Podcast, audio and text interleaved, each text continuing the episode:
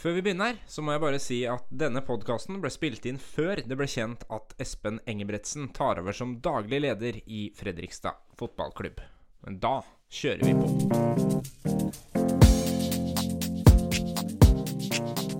Velkommen til Periprek, og velkommen til en trenerspesial på FFK. Velkommen, eh, Fredrik Bergman Abrahamsen. Hjertelig takk, hjertelig takk. Bjørn Bommen Bomen Johansen har akkurat eh, fått eh, sparken i FFK. Yes. Eh, var det riktig? Eh, Ja, det er jo eh, 1000-kronerspørsmålet, det. Det er eh, ut fra resultatene den, den sesongen her, og spesielt kanskje da siste halvdel av sesongen nå, så, så kan jo absolutt styret forsvare at de avslutter samarbeidet med Bjørn. Eh, Men det er klart han har fått veldig vanskelige arbeidsvilkår i år. Men hvorfor må han gå? Han må jo gå pga. akkurat det jeg sa. Det er, han har et enormt lavt poengsnitt de eh, siste hva er det for noe, 14-15 kampene. Det har tatt veldig lite poeng. Og det, det kan jo på en måte det, det må vi jo bare se at ut fra den spillertroppen han har, så er det for lite. Den, den, er, ikke, den er ikke så dårlig, den uh, spillerstallen. Og så tror jeg han er falt for noen, noen grep han kanskje har gjort som både har irritert i hvert fall publikum. Vet ikke hvordan styret har sett på det, men han, han har nok havna inn i et mønster av bruk av spillere som kanskje har vært uh, uheldig, da. Ja, Hva tenker du på da? Ah, At han favoriserer enkelte spillere, f.eks.? Eller har spilt med et system ja, som Systemet tror jeg må være der, og så vil det være sånn småjusteringer hver gang. Og så er det nok eh, sånn at det er noen spillere her som har fått enormt mye tillit, som for meg og for veldig mange andre virker litt rart. Eh, sånn ut i sosiale medier og sånn, så er det selvfølgelig Ricky Alba som har fått den største ja, skyllebøtta, og det har han gjort med god grunn. Han har pressert prestert så dårlig at eh, det er ingenting som skulle tilsi at han skulle få noe særlig med minutter for et Obos-ligalag, og han spiller stort sett fast. Jeg tror det har vært et stort irritasjonsmoment for veldig mange. Sier ikke at det er derfor han har fått sparken, men er også en medvirkende årsak til at ting har begynt å vende seg litt mot Bjørn. Da, Mm. Det er vel kanskje det her med å, å ta noen grep når de har ofte kommet under i en kamp, da. Eh, Det å kunne endre eh, spillet. Ja. Har vi savna det? Eh, Ja, det har vi vel også savna. Men det er klart sånn som mot Sandnes Ulf, da, som vi gjør De første 20 minuttene mot Sandnes Ulf er kanskje de dårligste vi gjør i år. Og da tar jeg med både Koffa-kampen borte og Raufoss eh, borte og Raufoss hjemme. Eh, De første 20 er, de er helt Det er ingenting som henger sammen. Eh, Hadde vel kanskje ønska da at Bjørn og Klæbo hadde klart å gjort flere grep tidlig i den kampen. For vi blir noe bedre, men vi blir mye bedre i annen omgang. Og da ser vi at de tar grep. Da legger de om til et nytt spillsystem som fungerer bedre mot åssen Bjarne Berntsen har stilt opp Sandnes Ulf. Men hvorfor skjer det her? Hvor, altså, hvordan kan det være så stor variasjon? Det har vi sett i mange år, ikke bare under Bjørn, men under mange FFK-trenere. Så har de plutselig så vinner de 5-1 en kamp, og så er de helt på felgen i neste kamp. Eller så er de kjempegode i første omgang og helt elendige i andre omgang. Hvorfor skjer det her? Ja, dette her er noe som vi skaper litt også i Fredrikstad, bare så det er liksom sagt i første omgang. For det her er ikke noe unikt for Fredrikstad. Sånn er det i ikke bare Obos-ligaen, men det er sånn i norsk fotball. Du har noen sånne godstog som stort sett presterer dritbra. Og så har du noen eh, sånne lag som taper det meste. Men alle de der laga i midten der har litt sånne stunder. Altså at de taper 4-0, så vinner de 5-1, og så, så går det litt sånn. Og det er, det er vel liksom fotballens natur. Og, og så handler det jo selvfølgelig om å finne det beste laget til enhver tid, som er ikke bare de beste spillerne, men også de spillerne som er i form, og de spillerne som passer til å, å få de beste kvalitetene ut av hverandre. Og så er det jo spillelogistikken oppi det her. For det er altså grunnen til at Bjørn går nå, som du er inne på. Um, han har ikke fått det beste utgangspunktet å jobbe med, sier du. Nei, det er jo sånn uh, Bjørn Johansen og jeg får si Joakim Klæboa, da, for de har jo vært et tospann. Uh, de har blitt uh, kasta fullstendig under bussen i år. Uh, og det, det, er det ikke noe tvil om. De har gjort det dårligere enn forventa med den spillergruppa de har. Men sånn rent satsingsmessig så har de blitt kasta under bussen. Det er flere her som må ta seg en grundig titt i speilet for åssen dette her er gjort. Uh, for det her er, det er klart at i år så har vi henta inn De spillerne vi henta inn nå, er vel to 19-åringer og tre 20-åringer. Ja, og de kom Alle, sent.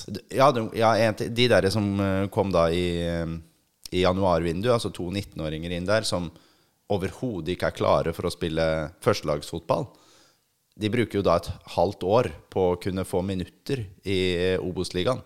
Og så er de da inne som utviklingsspillere.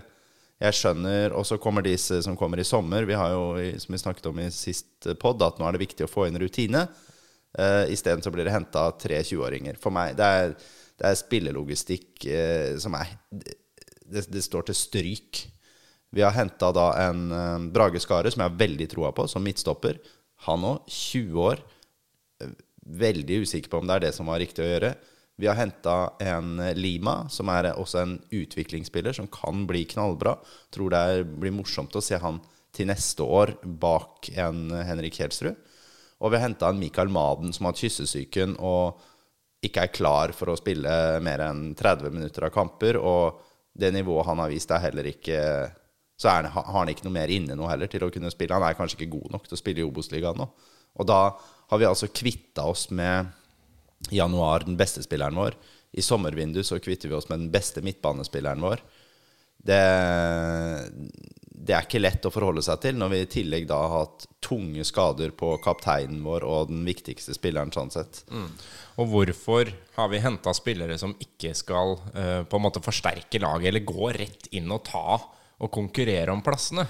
Nei, det her må du jo spørre, spørre Joakim Heier, sportssjef, om. Det, for meg så, så gjør Joakim veldig mye riktig som daglig leder. Eh, jeg tenker nå at vi må, det må stilles noen spørsmålstegn med åssen sportssjefsrollen hans gjøres. Vi har da henta inn en speider i 100 %-stilling før sesongen ja, de pengene skulle vel vært lagt i en ny sportssjef kanskje da isteden. Mm. For nå har uh, Joakim Heier begge rollene, er det sånn? Ja, ja Både hatt, daglig leder og Hatt det hele tiden. Ja. ja. Det, hvordan syns du det fungerer? Nei, det fungerer ikke. Ut fra, ut fra, den sesongen her og det vi har sett, så, så, fungerer jo ikke det sånn det er nå. Jeg tror uh, Joakim Heier er en strateg på å bygge klubb. Fantastisk der. Og er en nøktern og rolig og fin fyr. Eh, men på spillemarkedet nå så Ja, så er det gjort noen grep som for meg blir Det blir veldig rart. Jeg skjønner at Fredrikstad ser på dette her som en sånn mellomsesong, og det gjorde de også i januar, før de Ja, uten å kommunisere det utad, så er det det de gjorde. Det er, er eh, De skal opp i 2023, og 2022-sesongen skulle være en mellomsesong. Veldig uheldig selvfølgelig om vi detter ned, da, for da ja, da er veien lang opp. Men, ja, da, da er vei, det er klart, da er veien lang opp, og, og det laget her er bra nok til å ikke dette ned. Det er ikke det jeg sier, men det er um, Ja. Men er det ikke da en rar vurdering hvis man på en måte egentlig eh, ser at den sesongen her er litt kjørt? Er det ikke da rart å gi eh, bommen sparken nå, sju kamper før er slutt, eh, i stedet for å la han kjøre inn de spillerne som har kommet inn da og og jobbe med en plan ved siden av. Ja, Det her henger nok tilbake til Andrea Loberto sin tid. Det må vi bare se at her har Jostein Lunde og styret blitt eh, nervøse for at akkurat det samme skal skje som skjedde under Andrea Loberto, da de lot Andrea Loberto få sitte og sitte og sitte og sitte. og sitte. Samme hvor dårlig han var. De sesongene er ikke sammenlignbare. Her har Fredrikstad gjort mye gode enkeltprestasjoner, og det har vært utvikling i spillet. Under Andrea Loberto så var det, det var katastrofe absolutt alt som ble gjort. Fra, fra treninger til Jeg var, var forferdelig dårlig. Så, og det har det ikke vært i år. Men styret har nok uh, blitt nervøse for at uh, vi nå skal få se uh, en situasjon der vi detter ned på den kvalikplassen. Og da Ja. Det kan selvfølgelig forsvares med at hvis de skal gjøre grep, så måtte det kanskje gjøres nå. Så er spørsmålet om det da er riktig, og om det er riktig person som også må gå, da. For det er jo en Det her er jo mange som har sittet og, og, rørt i denne gryta i år. Det er jo ikke Bjørn blir jo på en måte bare bildet på toppen. Og så handler det jo selvfølgelig for styret Det handler jo også om å få inn sikkert da en ny stemme, og ikke minst kanskje fjerne en stemme hvis det har blitt belastende, og røre litt i gryta for å, for å se at det er noe nytt. Så det kan forsvares. Tidspunktet litt rart. At eh, Joakim Klæbo blir, når de to har jobba så tett sammen uh, Ja. Ja, hva skal vi si om det? For betyr det at uh, Bjørn og Joakim ikke var uh, helt enige om hvordan man skulle spille? Jo, jo, jo, det tror jeg. Jeg tror de har vært helt enige. Ja. de har vært helt fullstendig enige i alt. Uh, så er det selvfølgelig det er Bjørn som har sittet som hovedansvarlig. Men jeg tror alle avgjørelser der er diskutert meget godt igjennom. Så, så nå er jo selvfølgelig Klæbo nødt til å gjøre han er jo nødt til å gjøre noen grep hvis han stiller opp med akkurat det samme laget og den samme taktikken til neste kamp. Så ja, da er det i hvert fall et forferdelig dumt grep. Mm. Her må det jo være noe som syns. Men som du sier, styret har jo et ansvar, eh, ledelsen har et ansvar, trenerne har et ansvar, men spillerne har jo også et ansvar. Eh, og, og det er klart, det er jo det de fleste eh, som går på stadion, ser. De tenker at her har treneren gjort noen rare grep, og spillerinnsatsen er ikke det den burde være. Og så bryr ikke vanlige folk seg så mye om hva som skjer oppe i ledelsen. Nei. Men hva med spillerne? Ja, Det er klart at det er mange spillere her som må gå i seg sjøl, som har gjort en for dårlig sesong, og, og altfor variabel sesong. Og, og, det kan man jo også. Så, så vil det jo være eh, både et spiller- og treneransvar for hvor mye på spillerne er når en kamp er i gang. ikke sant? Eh, så der må jo trenerapparatet ta, ta, sin del av det, og så må spillerne ta sin del. Og den forrige kampen er jo et godt eksempel på det. Her er det en spillergruppe som de, Jeg opplever dem i hvert fall ikke klare for å starte den matchen. Eh, det er klart de har ikke da med en Jakob Lindstrøm. Folk kritiserer Jakob Lindstrøm voldsomt. Jeg tror ikke Han er kjempeviktig for det spillet som Fredrikstad prøver å legge opp til. Uh, nå har ikke han gjort en god sesong heller, det er ikke det, det, er ikke det jeg prøver å si. Men den midtbanetrioen som vi, som vi stiller med der med Øby, Aasheim og Drage De første 20 minuttene av dem er, de er så langt under pari at uh, de hadde blitt spilt godt ut av et Post Nord-lag. Ja, er det fordi de ikke fungerer sammen, eller er de nervøse? Altså, det er, det er, syv kamper igjen. Det er ikke syvende kampen vi spiller. Absolutt ikke. Og er, eh, nå er det vel sånn at en Olav Øby vil jeg tro er ferdig i klubben etter denne sesongen her. Uh, det, det jeg, Han har full innsats uansett. Han flytter ikke beina fort nok til å spille i en sånn sentral rolle i Fredrikstad. Dessverre, han er for sein. Så, så det ser vi klare tegn på der. Håvard Aasheim det har vi snakka om 100 ganger. Det er, det er altfor variabelt. Han har altfor få offensive bidrag. Han blir løpende for mye mellom. Eh, Drage flytter ikke beina fort, men han er en kreativ spiller. Men hvis han skal være, være en indreløper i det systemet der, så da trenger de to andre å fungere bedre enn eh, en det de gjorde da. Og, og, så har du, som vi har vært inne på eh, Rikke Alva har vel bomma på ti, ti sånne som vi kaller sånn 100% sjanser i år. I hvert fall. Eh, som er da alene med keeper, åpent mål. Nå bomma han jo på åpent mål igjen. Eh, det er klart, det blir vanskelig å vinne fotballkamper da. Og så har du også selvfølgelig personlige feil som gjøres i, i bakre rekker. Det siste målet er jo forferdelig forsvarsspill av Stian Stree Molde. Helt, eh, helt juniorfeil.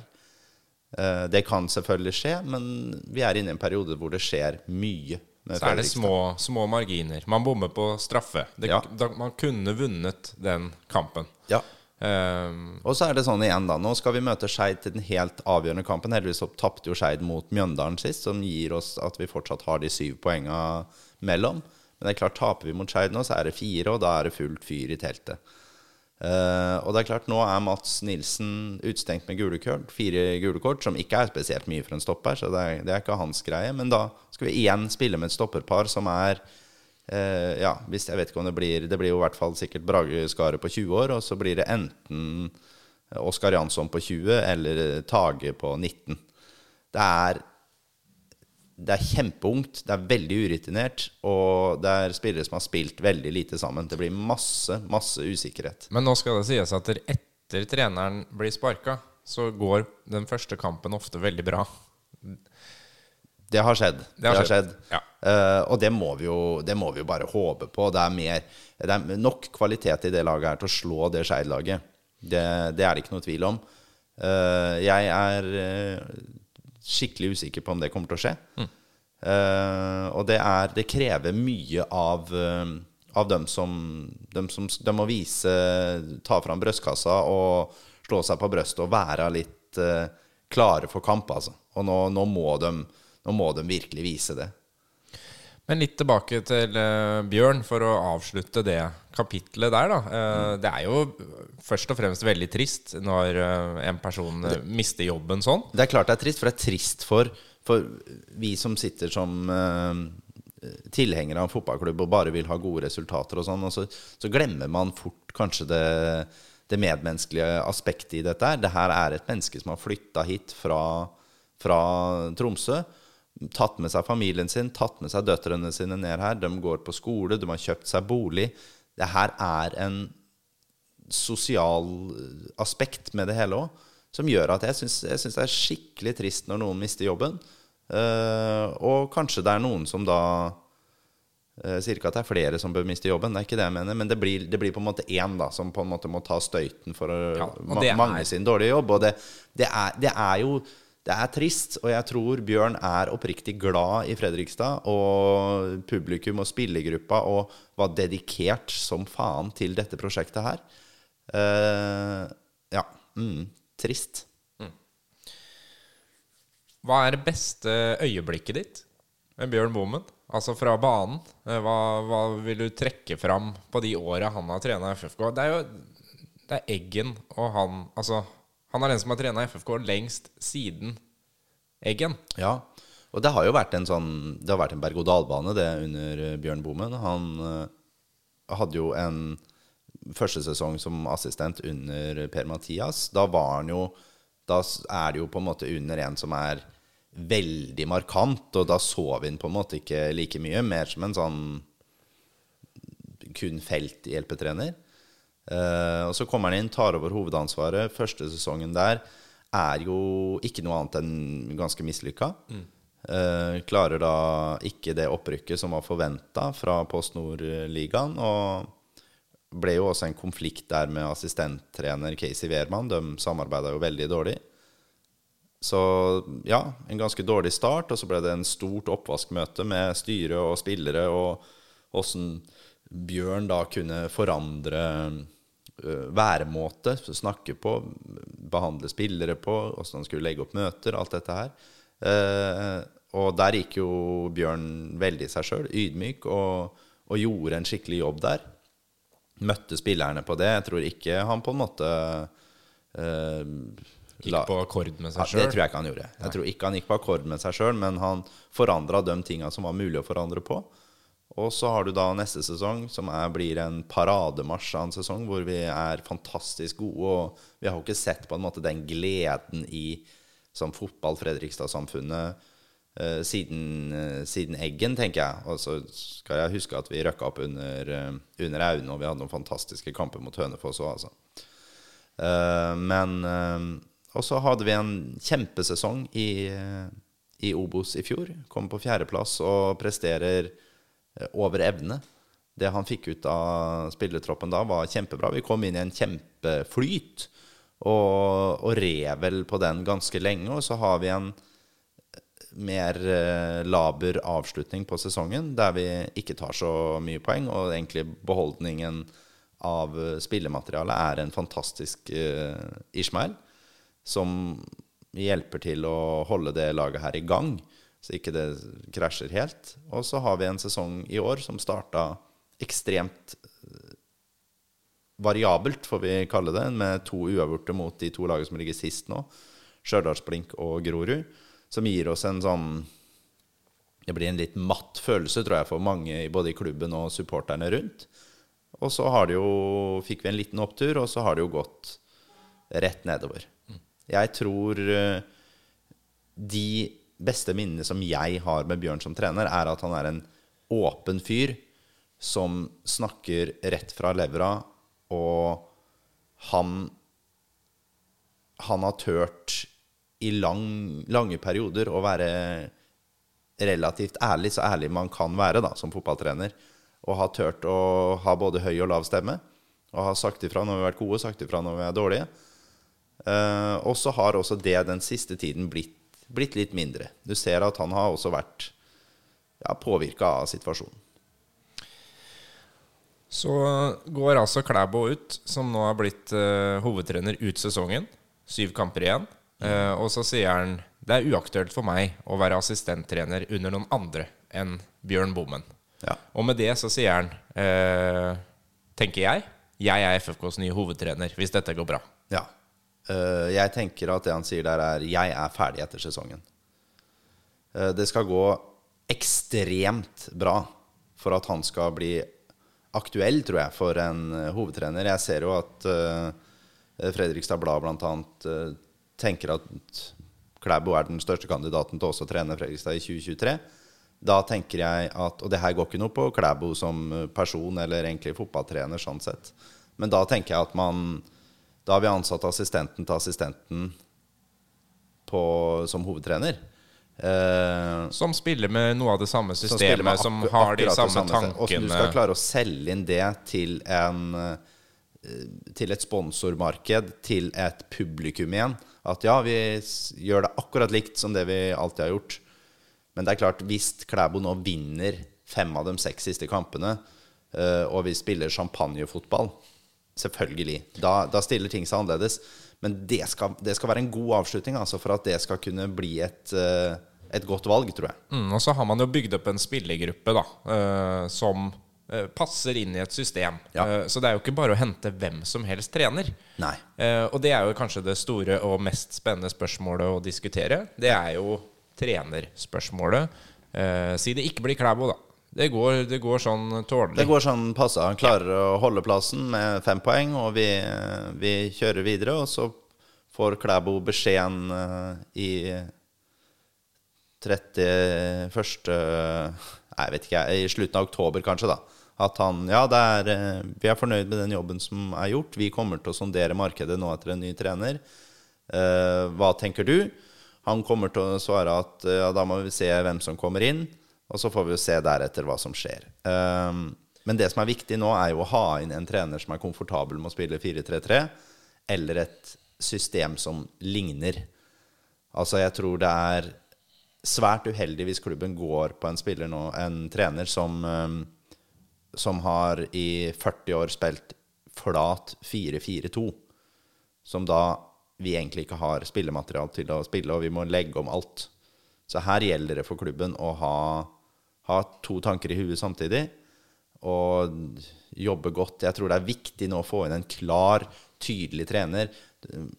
Han, Joakim Heier og Jostein Lunde gjorde en fantastisk jobb når de signerte eh, Høgmo i sin tid. Nå ble jo ikke resultatene av det fantastisk, men utgangspunktet er rått å få inn den tidligere landslagstreneren til et Post Nord-lag. En sann jobb må de gjøre igjen. De kan ikke nå si seg fornøyd med å Ja, men vi fortsetter med det vi har. Du vil ha en trener som skaper engasjement, som lager riksoverskrifter. Eh, Vi må, vi må, nå må Fredrikstad settes på kartet. Målet for 2023 er å rykke opp. Det er ikke noe annet som er målsettingen. Det er å rykke opp. De skal være på én av de to førsteplassene i 2023. Det er fullt mulig. De trenger å bygge på med en tre gode spillere. Eh, En av dem skal være Simen Raffen. Eh, Så må det være to gode til. Det bør være to indreløpere. Eh, Det må de gjøre, og det må være spillere som går rett inn på laget og hever det. Og da må det være en trener som har stått i stormen, som har som klarer å synes, som klarer å vise seg fram. Det, vi kan ikke nå ansette Eirik Kjøne, som har fått sparken i Stabæk. Vi kan ikke ansette Ole Martin Netzelquist. Vi må ansette noen som har vært med i dette gamet før, og som kan engasjere og få opp engasjementet til publikum igjen. Men det koster jo. Det, Det koster, koster. penger. Og nå, nå har de avslutta med bommen. Ja, det koster også penger å spille for tomme tribuner, sånn som vi gjør nå. Det koster også penger. Er sant. Ja. Er sant, det. Mm. Men det du egentlig sier da, det er at eh, nå må man uh, egentlig legge alle egga i én kurv og, Ja. og satse. Uh, for hvis man ikke røkker opp til neste år da, så, så begynner man å miste uh, både tilskuere Ja, og begynner, å miste, begynner å miste tilskuere. Se hvordan det ser ut på stadion. da. Det rapporteres jo om Det er jo solgte sesongkort man snakker om. At det er 2009 eller hva det, hva det blir for noe. Så ser du det der greiene som sitter her. Vi sitter der 800 mann, eller? Det er Går vi nå videre med en sånn halvveisløsning eller en ukjent trener som ingen har hørt om, som er 33 år og har kjempegode resultater på eksamene sine fra, fra noe trenerkurs på, i Norges Fotballforbund, så kommer vi til å stå der med 120 mann når vi er tilbake på 80-tallet igjen. Setter det selvfølgelig på spissen, men, Ja. men det oppleves jo litt sånn. Det er viktig at de nå ikke går for en uh, sann type trener. Og det, nå går ikke Eirik Kjøne og Ole Martinez Flinke folk. Kan godt ta en en av dem som assistenttrener hvis det, Klæbo ikke vil være med på det. Men hvem vil du ha? Altså, jeg kjenner jo deg, og du har helt sikkert laga ei liste allerede. Jeg eh, det, ja, men det, Sånn blir det jo. Det tror jeg alle gjør. Sånn der man sitter og tenker Ikke tenker alle gjør det, men eh, jeg tror nei, nei, nei. Mange, mange tenker jo på hvem Og det er klart eh, man, man snakker jo om Solskjær, ikke sant? For han har ikke trenerjobb nå. ja, Eh, ja, ja, ja. Og sir Alex Ferguson, han er vel Han er aktuell, vet du. Men hvem er det realistisk sett som eh, kunne vært interessert, og som har den pondusen som du snakker om? Ja, det er ikke Ole Gunnar Solskjær. Han er ikke interessert i det. Han er interessert i å komme tilbake til en toppjobb i en Tom 5-liga, og da er ikke et Obos-ligalag aktuelt for han å trene. Så vi må, vi må prøve å finne hvilket spor vi er på. Og så kan vi likevel satse høyt, og vi må forhøre oss høyt. Og så, det, så får vi jo se da hvordan det utvikler seg etter hvert. Og det er, det er klart det er mange trenere nå som er eh, uten, uten jobb. Så det, vi, har, vi har flere å kikke på, og så ser jeg jo det blir liksom sånn der, det blir kasta ut navn som Tom Nordli f.eks. Og så har vi vel lært det at eh, med hans historie i Fredrikstad, så må vi holde oss uten utafor sanne han. Men det er jo noen andre markante trenernavn som kunne Som hadde vært greit å forhøre seg om og kartlegge. Og det er Ja, altså, favoritten din. min favoritt Ja. Ja. Eh, Det er klart at sånn rent hva han har prestert på banen, og hvis vi skulle få fram, bygge opp klubben igjen og liksom vise den fram i media, så er Jørn Andersen en, en trener som på en måte hadde, hadde selvfølgelig, Det hadde smelt i norsk riksmedia hvis Fredrikstad hadde gått for en lokal uh, helt som uh, ikke snakker norsk mer. Han snakker sånn uh, tysk-norsk eh, Ja, ja. greier. Og det, det hadde det selvfølgelig hadde syntes bra. Han har gjort det også egentlig kjempebra overalt omtrent han har vært trener. Han Han hadde vel et dårlig opphold i Larissa i, i Hellas, men ellers har det vært knallbra. Og det, det så vi jo Han har jo trena Mainz bl.a. til opprykk fra andre Bundesliga. Gikk suverent gjennom der. Han har gjort det fantastisk nå i, eh, i Korea, og nå trener han jo Hongkong. Han har vel et halvt år igjen av kontrakta si der. Uh, og jeg sier ikke det at sannsynligvis så hadde han sagt nei han til Fredrikstad, og vi måtte fått med uh, noen sponsorer på klart å fått han inn. Men det er klart, det er et navn som sånn eh, rent eh, opp mot sponsormarkedet og sånn hadde sett, sett bra ut, og hadde klart å satt Fredrikstad på kartet igjen og fått opp engasjementet. VG-overskrift hver uke. Ja, ikke sant? Det er, det er litt en sånn type greie. Et eller annet greie. utspill eller Ja. noe han gjør med laget. Altså Ja. Vil Ville bli TV-kamper igjen for alvor? Ja, ikke sant? Så sånn, sånn rent sånn der ut i media, så, så hadde det vært en drøm. Uh, og så velger jeg å kalle det en drøm, for jeg tror det er ganske lite realistisk å få det til. Eh, men det er flere, flere folk her som kunne, kunne fungert på en god måte. Jeg tror jo sånn som Tor Ole Skullerud, en mann som riktignok har spilt mye 4-4-2, men har, jeg vet jo han har vært borti og både spilt 3-5-2 innimellom og 4-3-3 og eh, 4-2-3-1. Så, og er en mann som er fotballfaglig klok, eh, er kjent for de fleste, Eh, tror jeg er veldig flink med spillergrupper. Bør være et navn man får høre seg om. Kunne han vært aktuell? Han var veldig aktuell for Fredrikstad for noen år tilbake. Som han krevde for mye av klubben til hva de hadde råd til, rett og slett. Uh, ikke nødvendigvis lønn, men åssen klubben skulle gjøre det på spillemarkedet og sånn. Uh, men han hadde selvfølgelig vært et godt alternativ. Og så ser jeg det er mange som snakker om Mons Ivar Mjelde. Ja, han har vært inne før. Han har vært inne før, gjorde jo Mange forelska seg i han når han var i klubben sist. Klar, tydelig, glimt i øyet. Moro å se på sidelinja. Ja, morsom fyr og eh, trøkk i ting han gjør. Uh, Mons Ivar har jo heller ikke noe trenerjobb nå, så ja, han er nok også en som er greit å få Men det ville jo liksom være et comeback. Han, han ønska vel egentlig ikke å fortsette, eller fikk han han, ikke vel- tilliten, eller hva? Jo da, de ønska å fortsette med Mons Ivar, men han ville vel ikke egentlig flytte fra Bergen for å ta barn ut av skole og sånn. Nå er vel de barna litt større, så nå er det kanskje mer aktuelt. Men uh, jeg tror han trives godt i Han har vel en type lærerjobb eller noe lignende, tror jeg, borti der. Så ja, men han bør stå på den lista. Eh, skal vi holde oss i Bergen, da? Ja. Den jeg tror kanskje er den største kandidaten til å ta over som ny Fredrikstad-trener, er jo Kåre Ingebrigtsen. Som nå er eh, sportssjef i Åsane. Det er ikke et dumt navn. Nei, 4-3-3-mann. Flere seriegull i Norge. Uh, vant til å stå i stormen. Glimt i øyet. Er en fyr det er lett å bli glad i. Morsom og fin. Ikke for gammel. Han er vel 54, tror jeg. Vant til å håndtere styre og stell i store, vanskelige klubber. Og, og som jeg sier, han er sportssjef nå. Han er sportssjef nå. Han er ikke bare en sånn treningsfeltfyr. Hadde vi hatt et eh, Sånn som Klæbo er jo kjempegod på treningsfeltet. Hadde Klæbo sagt seg villig til å være ass under Kåre Ingebrigtsen, tror jeg det hadde vært et glimrende team. Og vi hadde stilt godt opp mot uh, kontaktnett òg, så Ja, kan vi bare stoppe der litt? Grann, for det, det er litt sånn misforstått. Jeg ser at det, det er en del som har skrevet på sosiale medier at det, ja, vi må jo ha en trener som er på treningsfeltet. Bjørn Bomen er ikke på treningsfeltet. Eh, nå hopper vi litt tilbake. Men eh, hvordan fungerer egentlig det der nå? Hvordan kjører man treninger? Ja, øh, nå er jo ikke jeg på alle treninger, men øh, jeg stikker jo innom innimellom når jeg har mulighet til det. Eh, Bjørn Bommen er mye på treninger, så dem kan folk bare glemme det, liksom. Han har vært masse på Freistad-treninger. Han kan hende at han trekker seg litt unna noen ganger, og det er Klæbo som kjører noen øvelser. Men Bjørn er ute og står, på, står med fløyta, avslutter spillet, forklarer, gir instrukser. Så at Bjørn ikke har vært på feltet, det Glem den. Ja. Det var bare en kort uh, avsporing. ja, jeg har Eh, sett det. Det Vi går tilbake til, til lista. Ja. Jeg tipper at en eh, trener som Svein Malen kommer til å stå der. Han som trena Ranheim inntil i fjor sommer.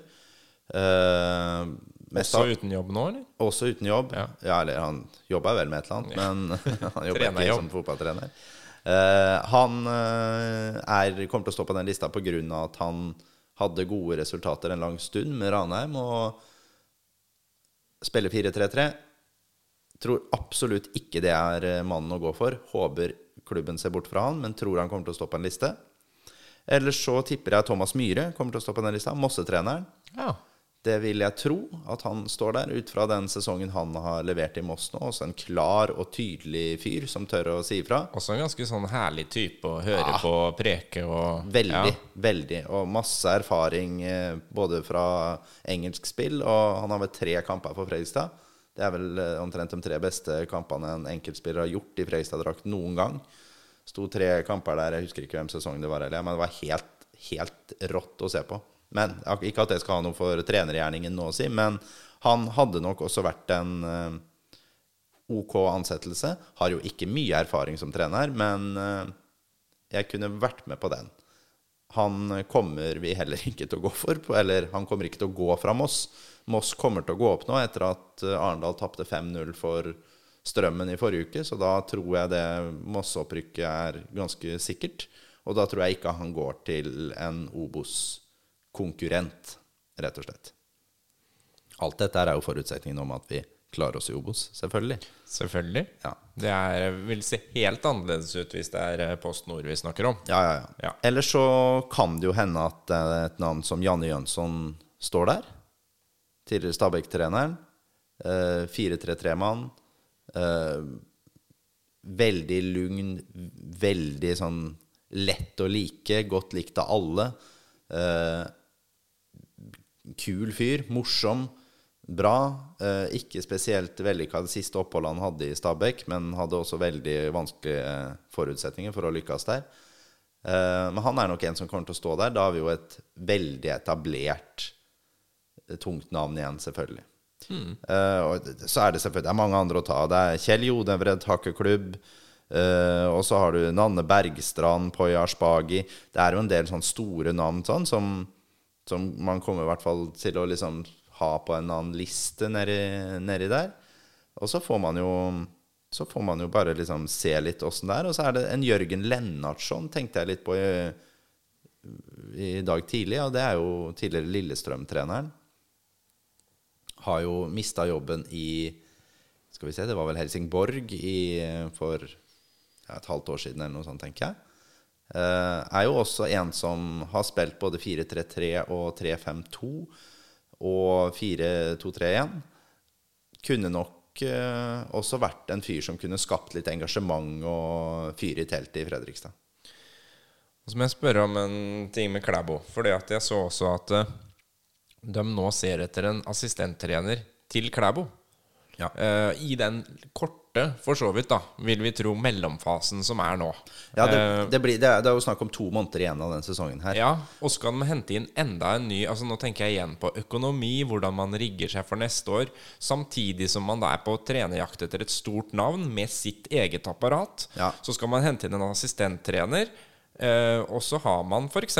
Magnus Meling da, i klubben. Eh, hvorfor blir ikke han assistenttrener? Nei, det, jeg, jeg tenker også Det absolutt mest naturlige der hadde vært at Magnus eh, Meling hadde fått den AS-jobben. Og så vet ikke jeg. Kanskje de føler at han trengs veldig godt i den utviklingsbitjobben som han gjør nå, da. Med, Jo, men nå brenner det jo litt på dass. Ja, jeg jeg, så, så det er litt sånn jeg er helt enig, jeg er helt enig i du, det. det er du kan ikke utvikle noe som eh, skal røkke ned, på en måte. jeg, jeg er veldig, veldig enig i det. Og det, det jeg òg syns det er rart. Jeg syns han skulle hatt den jobben. Og så er det klart, får de inn en til, så får de også inn en ny stemme da, som kan være sunt for en spillergruppe. Og, og Jan Tore Opphaug, som kommer til å få den jobben, han kommer jo ikke til å koste mye penger. For han, Det er du helt sikker på.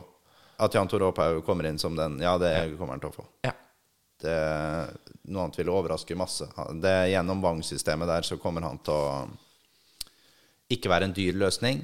Og har vært i Fredrikstad før, kjenner klubben. Veldig godt likt av stort sett alle i klubben. Og har vel også et hjerte for klubben. Så at han blir henta inn om et par måneder som assistenttrener, tror jeg er lurt. Eh, Og så er det selvfølgelig også en, en kar som Kanskje han går Klæbo etter sesongen. Kanskje vi skal fortsette med Jan Tore Opphaug som assistent under Kåre Ingebrigtsen, f.eks. Det er en del eh, spennende løsninger her, da. Ja, men det er jo masse, er masse spennende. Det er jo veldig mye som, som kan skje her nå. Og, og det, kan, det kan jo som sagt hende at Klæbo får en OK avslutning på sesongen, og klubben tenker at her sparer vi penger på å gi han fornya tillit som hovedtrener. Eh, Jeg tror jo da som sagt ikke 2023 er året hvor vi skal gå for vi prøver det. Og det her, jeg må få fram det her, det her går ikke på at Joakim Klæbo ikke er en god, en god trener, men han har vært en del av noe som har opplevdes som negativt den siste biten. Eh, og bare uttrykket assistenten til assistenten, som tar over som hovedtrener, eh, det klinger ikke spesielt godt. Nei da. Men en gang må de begynne, da. Ja, ja, en gang må de begynne, men det er, kanskje skal du ikke begynne i den klubben, da. Veldig spennende liste. Uh, vi, du holder en knapp på Kåre Ingebrigtsen. Det, det er liksom Ja, det, Altså, drømmen er Jørn Andersen og Ja, jeg vet ikke om drømmen er Jørn Andersen heller. For, uh, men det hadde, det hadde passa sånn ut fra å profilere klubben, da. Så hadde det vært gøy. Uh, og så er det sånn Kåre Ingebretsen hadde også bidratt med veldig mye av det. Jeg håper at det er et sant type trenernavn som kommer inn nå. Og at det ikke kommer inn en sånn ung, fremadstormende trener som uh, er god til å lese tabeller og lister. Hva tror du om resten? Da, hvis, vi skal, hvis vi skal gjøre det, da, så er det jo liksom Da kan vi jo like så gjerne gå til Alexander Olsen, da, som trener Kolbotn. Da, da er på en måte det like, like bra. Det, jeg, jeg, jeg blir jo ikke, jeg sånn, ikke, er- blir ikke kjempepirra Nei, ikke sant, for det, det handler om å akkurat det du sier der, da, pirre publikum. Kile dem under bena. Og si sånn Nå! Nå! Nå! Nå skjer det noe her. Nå, nå er det ikke det samme gamle som trasker og går. Jeg tenker med det engasjementet som er for FFK akkurat nå, så trenger det å bli kila andre steder enn under bena. Men, eh, Absolutt. så det bør være litt spenstig. Det bør være spenstig. Men hva, hva tenker du om resten av sesongen nå? Det, det gjenstår eh, sju kamper. Eh, det har vært en eh, sikkert en liten opprensking i spillergruppa i følelsesmessig. Bjørn går ut, Klæbo fortsetter. Åssen tror du det er i garderoben nå? Ja, jeg tror i all hovedsak det er ganske bra, for jeg tror ikke Bjørn hadde mista garderoben. Så det tror jeg var bra før òg, men det er, det er nok en garderobe som Jo, Men du får deg jo en trøkk da, når han som har leda deg i fire år, forsvinner ut. Absolutt. Og de, nå må de vise seg fram, dem òg. Nå, nå har treneren Nå har de gjort så treneren har fått sparken, hvis vi skal si, si det litt sånn. da Så nå må de jo i hvert fall for faen ta seg sammen litt og vise seg fram. Og vi trenger Det er nå vi skulle hatt Kjelsrud på banen. Eh, Vi skulle hatt en kaptein som, som klarer å snakke utpå der. Vi kan ikke ha kaptein på en høyre, og det her Stian Stree Molde er det, det blir for pent og pyntelig som kaptein i Fredrikstad fotballklubb når det brenner. Det er, også, det er jo selvfølgelig også svært uheldig at det er han som kaster bort kampen nå på, i siste sekund. Uh, vi trenger nå noen som er tydelige stemmer. Jeg ser nesten bare Mats Nilsen som er verbal nok til å Og nå er han utestengt mot Skeid. Så det er, det er flere som må gå i seg sjøl nå og vise seg fram. Og så er det jo selvfølgelig det er noen som spiller for framtida si i klubben òg. Og så blir det jo spennende å se da åssen Klæbo setter opp laget. Jeg tenker at setter han opp Tror du det blir noe skifter? Tror du Ja. det blir noe grep som er tydelig? Eh, Jeg tror at det er Nico Solberg inn? Eh, kan hende. Eh, jeg tror at det er helt, helt nødvendig for at ikke det her skal bli et, en helt rar sparking. At dette her At det skjer noen grep som er sånn Å ja, nå Klæbo setter nå sitt merke på laget, og eh, han kjører nå ut den eller den, og inn den eller den som nå skal satses på. Eh, det er enkeltspillere som hadde vært veldig rart om starter den kampen mot Skeid. Hva er det beste vi kan håpe på nå, eh, realistisk sett? Eh, Hvor, hvor ender vi på tabellen, tror du? At vi ikke rykker ned. Det er det beste vi kan håpe på. Det er det beste. Det er det Vi er der. Vi er, selvfølgelig. Det er der vi er. Eh, Det er samme, det er, jeg driter i det om vi kommer på 11. eller 12. plass. Liksom. Det spiller null rolle. Det viktigste nå er å unngå den kvalikplassen. Det er syv poeng ned til Skeid. Vi har en mye bedre målforskjell. Så sånn sett så kan man nesten regne det da som åtte poeng, som skal holde når det er seks kamper igjen. Men så er det sant, vi møter Skeid borte nå på førstkommende lørdag klokka fire. Taper vi der mot Skeid, da er det kun fire poeng. Fire poeng på fem matcher. Mm. Da, da kan virkelig nervene begynne å bre seg. Jeg tror vi tar flere poeng. Klarer vi å unngå å tape mot Skeid, så det fortsatt er syv poeng når det gjenstår fem runder, så tror jeg vi kan puste ganske greit ut. Vi taper ikke eh, begge hjemmekampene mot eh, Bryne og Mjøndalen. Så det er jeg ganske sikker på vi ikke gjør. Jeg sitter med sånn, nesten en sånn klump i maven. Ja, ja, ja jeg, det, er, det er jo flere som gjør det, og det er jo det styret har gjort òg. Det er derfor de har gått til den avgjørelsen de har gjort. Det, er her, det her vekker vonde minner. Uh, og nå, nå er tiden for å se gladfotball. Og tiden er inne for å Det er jo Hvor mange uker siden er det? To, to og en halv uke siden vi så Sogndal-kampen hjemme, og vi vinner 5-2. Det er riktignok dårlig, det Sogndal-laget, altså, men at det er det samme laget som har de første 20 minuttene mot Sandnes Ulf, er jo en jævla gåte. Ja, det er det jeg ikke får til å gå opp, på Nei, en det, måte. det, det, er jo, det går ikke an å få det til å gå opp. Det er, eh, nei, det er kjempe, kjempesnodig. Eh, og så er det, Vi får se nå da hvordan de komponerer laget nå mot Skeid. Det blir nok Oskar Jansson og eh, Brage Skaret som blir stoppere. De fortsetter nok med Stian Stree Molde på høyrebekken, siden ikke Aukland er klar ennå. Ludvig Begby er eh, venstrebekk. Det skal han være til neste år òg. Håper jeg for all del at de bare får på plass den kontrakta fort som faen. Eh, På midtbanen så kommer Thomas Drage til å fortsette. Det er jeg helt sikker på. Olav Øby tror jeg har større sjanse for å spille under Klæbo, egentlig, enn Bjørn. Klæbo kjenner Olav Øby fra tida i Kristiansund. Jeg er ganske sikker på at det er også han som pressa ganske hardt gjennom at Fredrikstad skulle hente han. Eh, Så Olav Øby har nok eh, muligheter for å spille, men han gjør jo en førsteomgang nå mot Sandnes Ulf som er så dårlig at det er vanskelig å forsvare at han skal spille. Eh, Så Lindstrøm går jo inn i den sentrale uansett. Og så er det da spørsmålet hvem skal spille på den andre indreløperen. Er det Mikael Maden? Er det Håvard Aasheim? Eller er det Olav Øby? Eller er det Stensland man skal legge der? Og nå er vi oppe en helt Nå skal jeg bare ta en liten avspor, så skal jeg diskutere det òg. For det er, nå har vi henta så mange utviklingsspillere. Utvikling, utvikling, utvikling, utvikling. utvikling, utvikling. Vil du at jeg skal si det mer? For det kan jeg godt gjøre Utvikling? utvikling. Eh, og for en spiller da, som Stensland, som har hatt Jeg syns han er gøyal å se på. Morsomt. Hvorfor henter vi inn en 20-åring i Mikael Maden når vi har en 17-åring i Stensland, og de skal ha den samme rollen i troppen og komme inn de siste ti minuttene?